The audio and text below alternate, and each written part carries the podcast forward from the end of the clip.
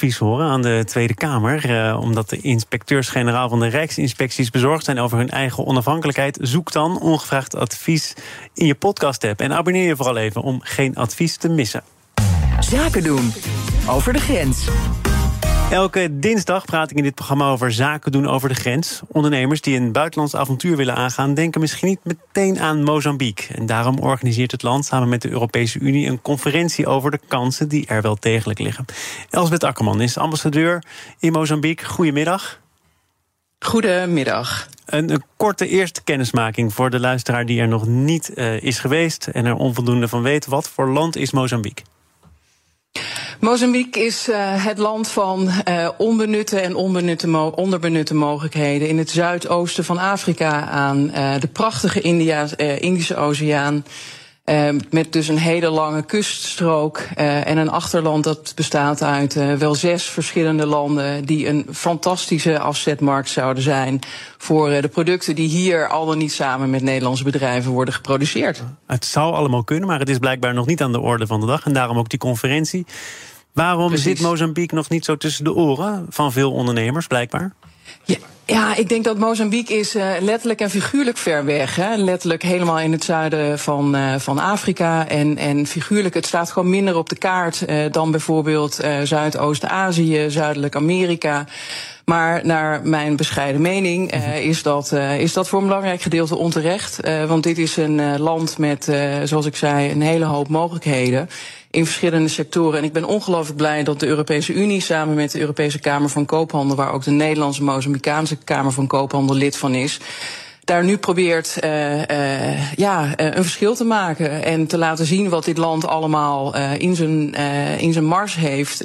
ook voor buitenlandse investeerders, handelaren en dus ook voor Nederlanders. Maar komt het toch ook omdat als je bijvoorbeeld simpelweg kijkt naar het reisadvies, dat niet per se altijd alleen maar op groen staat. Omdat de berichten die we hier in Nederland over Mozambique lezen soms ook gaan over conflicten, over mijnwinning, oplopende spanningen. Dan zou je kunnen zeggen, ja, ik ken het al niet. En wat ik erover lees en over hoor, dat is niet altijd positief. Dus deze laat ik even voorbij gaan. Ja, ik snap die aarzeling heel erg goed. Tegelijkertijd uh, denk ik ook dat uh, ondernemen ook, ook een ondernemersgeest vraagt. Uh, en, uh, en ook enigszins, dat je ook enigszins bereid zou moeten zijn om het onbekende te verkennen. Klopt dat het reisadvies van uh, Mozambique misschien niet helemaal uitnodigend is. In het noorden is het ingewikkeld, is het niet stabiel. Maar in de rest van het land, de kust is 3000 kilometer lang en de breedte van het land is gemiddeld 200 kilometer. Het is heel groot.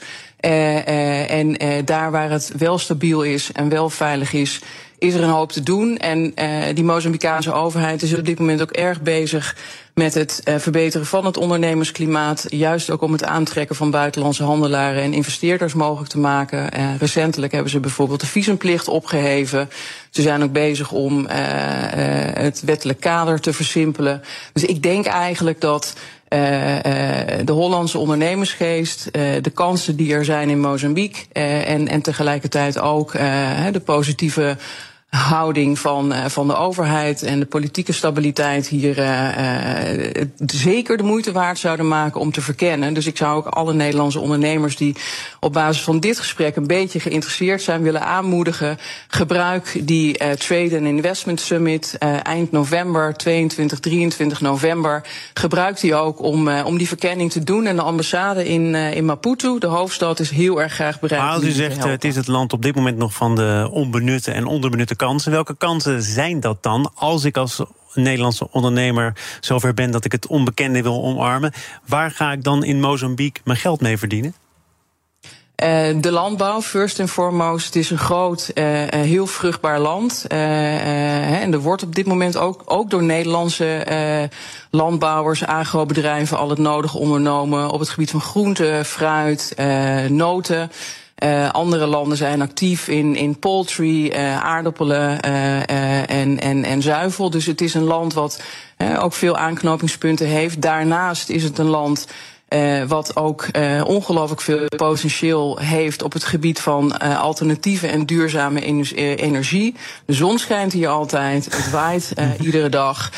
dus ik zou ook zeg maar onze collega's van, van het IRI, de Vereniging voor Nederlandse wind, windmolenbedrijven willen oproepen. kijk ook naar, naar deze horizon. Luid en duidelijk advies gegeven door Elsbeth Akkerman, ambassadeur in Mozambique. Dank voor dit gesprek. Zaken doen over de grens wordt mede mogelijk gemaakt door Bluebiz. Het loyaliteitsprogramma voor zakelijk reizen van KLM en partners.